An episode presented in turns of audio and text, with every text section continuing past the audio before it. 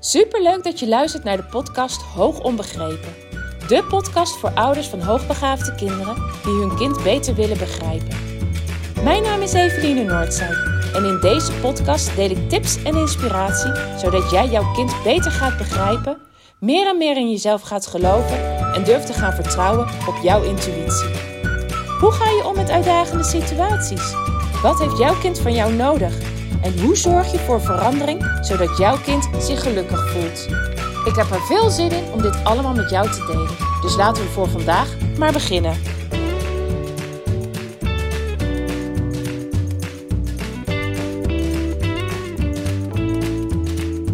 Hey lieve luisteraars, ja daar ben ik weer. Het is al middel, inmiddels alweer een, uh, meer dan een week geleden dat ik de laatste podcast online heb gezet, zag ik zojuist. En uh, nou, hoewel dat niet de bedoeling was, betekent dit dus dat ik uh, enorm druk heb gehad.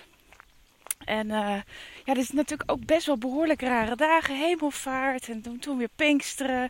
We zijn met Pinksteren trouwens een heel lang weekend weg geweest. Heerlijk, ergens in Nederland op een camping. Ik uh, had vorige week op, nee niet op Facebook, op Instagram ook gedeeld dat we daar een aantal leuke dingen hadden gedaan. Dus uh, ga ik ook even nu met jou delen. Even tussendoor. Omdat ik merk dat er. Uh, ja, dat ouders echt wel het fijn vinden om daar ook op dat gebied inspiratie te krijgen. Omdat ze dan merken dat hun, uh, ja, dat hun kind een enorme behoefte heeft aan afwisseling. Aan steeds iets nieuws doen. En ja, dat het best wel eens lastig is om weer eens een keer iets nieuws te bedenken. Ga ik het even met je delen. Nou, allereerst voordat wij het weekendje weggingen, ben ik met de kinderen bij Benschop Speelplezier geweest. Dat zit in Nieuwland, boven Gorkum. En uh, ja, het is eigenlijk een bedrijf wat uh, allerlei dingen verkoopt en maakt voor buiten. Van trampolines tot schommels, tot bankjes, tafels, stoelen nou, enzovoort. En ze hebben daar een hele grote tuin ingericht als speeltuin met trampolines, met glijbaan, met, een, met schommels, een groot voetbalveld, een pannakooi, uh, kabelbanen. Nou, heel erg leuk om daar te spelen. Zeker met iets jongere kinderen. Onze, nou, alle, al onze vier kinderen hebben zich daar goed vermaakt. Maar met name wel leuk voor ja, wat jongere kinderen. Nou, toen waren wij eh, in Noord-Limburg op vakantie. En daar hebben we, uh, zijn we wezen klimmen. We zijn naar een klimbos geweest. Vorig jaar hebben we dat ook een keer gedaan. En uh, ja, ik kwam het bij toeval tegen op internet. Ik dacht, oh, dat is wel weer leuk om nog een keer opnieuw te doen dit jaar. En ik vind klimmen enorm, ja, echt enorm goed voor, voor de kinderen. Voor het vergroten van hun zelfvertrouwen. Want ze doen dingen waarvan ze bij voorbaat eigenlijk denken dat ze het niet durven. Uh, ze gaan zaken aan en op het moment dat ze ze aangegaan zijn, kunnen ze ook niet zo makkelijk meer. Ja, ze kunnen niet zo makkelijk meer terug. Want als je eenmaal op zo'n baan staat tussen de bomen. Ik ben deze keer zelf ook mee wezen klimmen. En uh, ik moest dus ook uit mijn comfortzone en uh, ja, aan de bak. En je staat daar. En ja, je hebt voor je mensen, je hebt achter je mensen. Je komt dus niet zomaar meer van het parcours af. Je denkt, oké, ik vind dit eigenlijk doodeng. Maar kom op, we gaan gewoon. En uh, ja, dat geeft zo'n enorme boost aan je zelfvertrouwen. Ik heb het zelf ook ervaren en ik zie het ook steeds aan de kinderen. Dus dat is echt een aanrader. En er zijn er natuurlijk ontzettend veel in Nederland. Klimbossen, dus vast ook bij jou in de buurt. Uh, maar dit vind ik echt gewoon een, uh, een mega aanrader. En ik ben met een van de kinderen naar het Vrijheidsmuseum in Groesbeek geweest. Een heel mooi museum, echt ook de, de moeite waard om te bezoeken. Nou, misschien hoor je het ook wel. Ik ben buiten. Ik hoop dat, uh, dat de wind niet te veel spelbreker is. En dat ga ik straks even terugluisteren. Maar waar ik het vandaag met je over wil hebben. Ik wil het heel graag met je hebben over de vraag die ik de afgelopen weken veelvuldig van ouders heb gekregen. En dat heeft te maken met het einde van het schooljaar. Hallo, ik heb uh, nou, altijd in deze periode het enorm druk. Ik heb ook heel veel onderzoeken afgenomen de afgelopen weken. Waar ik er normaal gesproken één of twee per week heb, heb ik er nu echt wel drie of vier per week gehad. Uh, ben ook daardoor een uh, extra dag gaan werken. En ehm, ja, dan komt na zo'n onderzoek veelvuldig de vraag van oké, en nu, nu verder Eveline. Want ja, we lopen eigenlijk al, al een hele tijd vast op de school waar, waar het kind nu zit. En waar doen we nu goed aan? Moeten we onze kind laten overgaan naar een, uh, ja, een speciale HB-school? Uh, toch blijven en, uh, en ja, weer het gesprek met de huidige school aangaan? Moeten we in de buurt naar een ander soort school kijken? Wat is nu wijsheid? Nou, natuurlijk een hele mooie vraag. En ook een hele goede vraag om te stellen. Het maakt namelijk door het stellen van die vraag al dat je open staat voor, ja, voor verder kijken, voor mogelijke veranderingen. Dat je niet alleen maar op dezelfde weg door wil blijven gaan. Hallo. Ja, goedemorgen. Goedemorgen. En het maakt dat je open staat voor andere, andere wegen. Om andere wegen te bewandelen. En nou, ik, ik wil ook altijd met liefde op uh, alle vlakken meedenken. Dat uh, geef ik ook altijd mijn, uh, mijn klanten terug. Maar, er is wel een maar. Ik kan de beslissing niet voor een ander nemen. Ik kan een beslissing niet voor een ouder nemen waar het, ja, waar het goed aan doet. Waar het verstandig aan doet. En dat heeft te maken ten, aan de ene kant, ieder is verantwoordelijk voor zijn eigen beslissingen. Um, en ik denk dat ook echt iedereen die zelf moet nemen. Uh, aan de andere kant is het ook gewoon zo dat ik, ook al heb ik jouw kind gezien, ook al weet ik de situatie, is er mij voldoende verteld. Ik ken het kind niet zo goed als dat een ouder zijn kind kent. Jij bent degene die jouw kind het beste kent. Ik heel eventjes uh, aan de kant. Goedemorgen.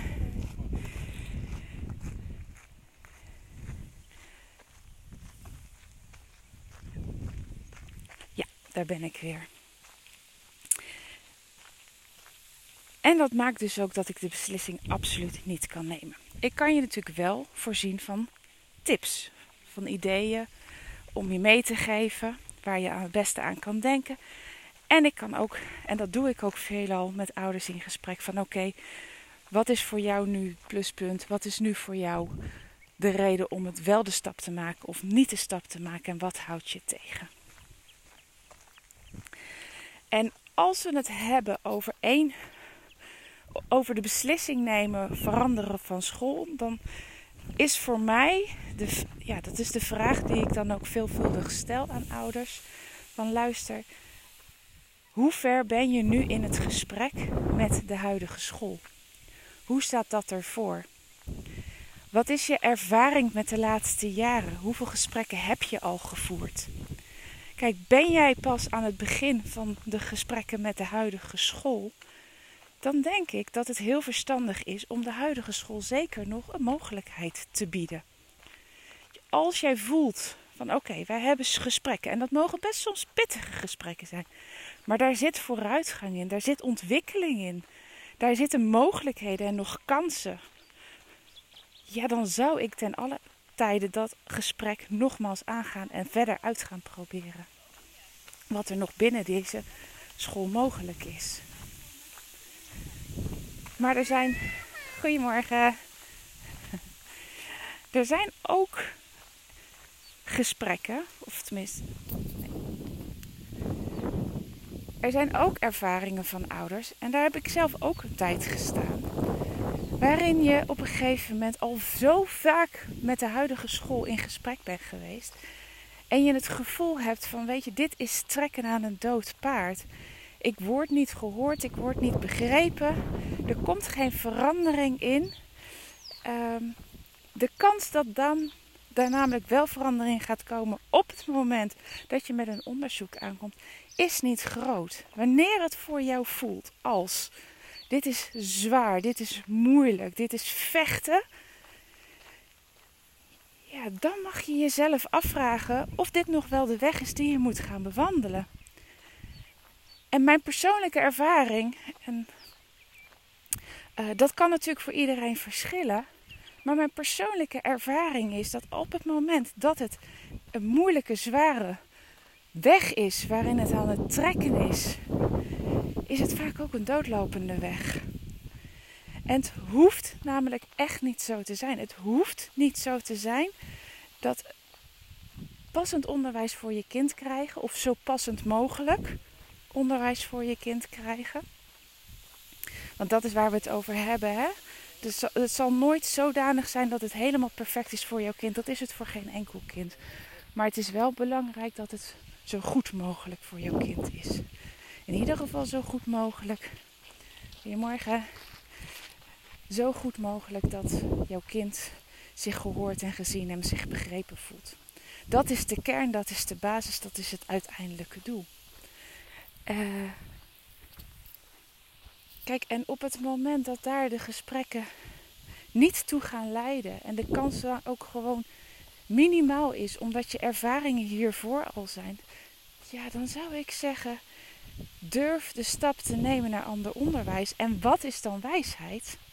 Ja, dat is per kind, per situatie, per school verschillend.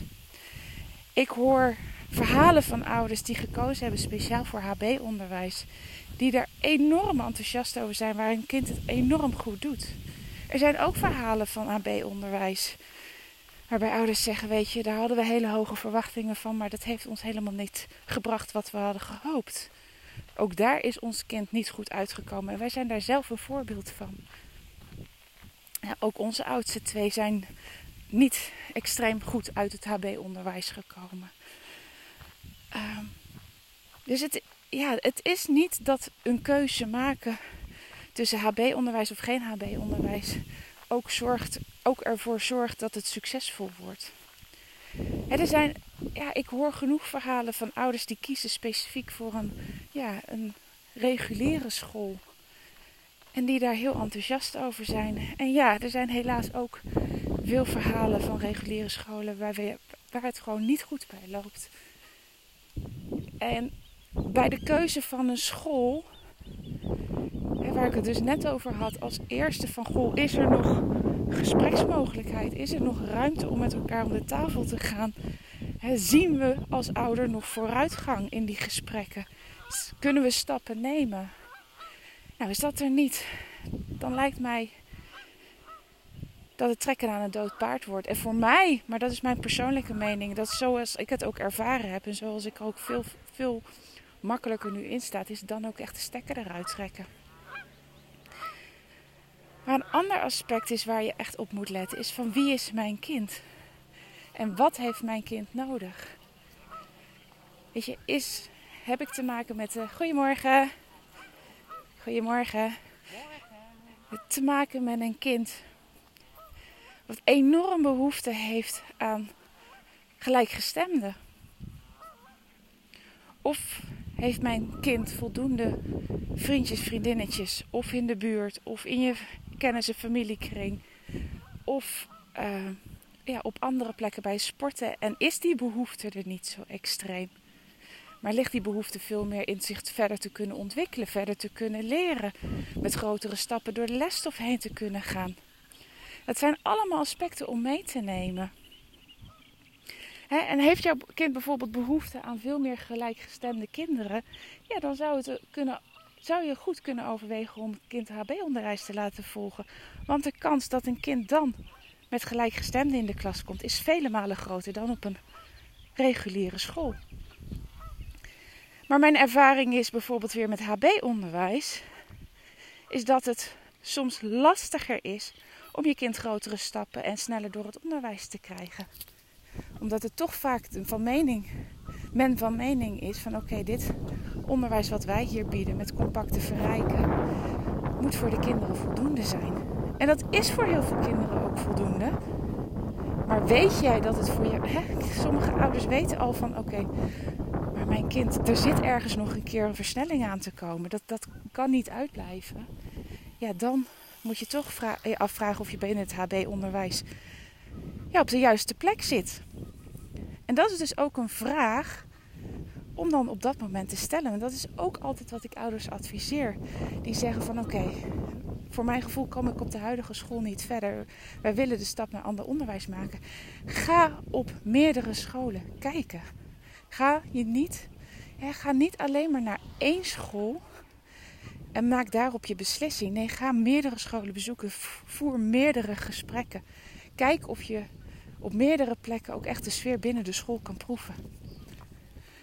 En maak op basis van al die punten een beslissing. En dan is in de gesprekken die je voert een van de vragen van oké, op het moment dat blijkt dat mijn hoogbegaafde kind toch meer nodig heeft, in de vorm van misschien een klas overslaan, zijn die mogelijkheden er? Wat als mijn kind in die en die en die situatie belandt? Hoe gaan jullie daarmee om? En dan hoor je vanzelf of een school flexibel genoeg is of niet. Hallo. Maar ga meerdere gesprekken aan en volg uiteindelijk je hart. Intuïtief weet je vaak veel beter wat juist is en wat niet juist is. En mijn eigen ervaring is dat ook, en ik zie dat ook bij veel ouders, is dat we toch te veel in ons hoofd blijven zitten. En vanuit verstandelijke overwegingen een keuze proberen te maken. Goedemorgen. En ik zal niet zeggen dat je je verstand helemaal moet uitschakelen, helemaal niet. Maar het moet een samenwerking zijn tussen je gevoel, hè, je intuïtie en je verstand. En uh, als je al vaker de podcast luistert, heb je het verhaal misschien wel eens gehoord. Maar toen wij uh, voor onze kinderen besluit namen om over te stappen naar een andere school, heb ik dat eigenlijk, nou ja, eigenlijk heb ik dat altijd met mijn verstand gedaan. Terwijl ik lo, gevoelsmatig wel wist dat het uiteindelijk toch niet zo heel erg juist was. En dat heb ik um, ja, heel erg verdrongen. En ik ben altijd op mijn verstand gaan varen. En nou ja, achteraf bleken, bleken dat gewoon niet de beste keuzes te zijn. De beste keuzes heb ik altijd met gemaakt in combinatie met mijn intuïtie. Een combinatie tussen intuïtie, gevoel en verstand. En uh, ja, durf daarop te varen. En laat, uh, laat je verstand niet over. Nou, ik ga het hierbij laten. Dankjewel weer voor het luisteren. En tot snel. Doei doei!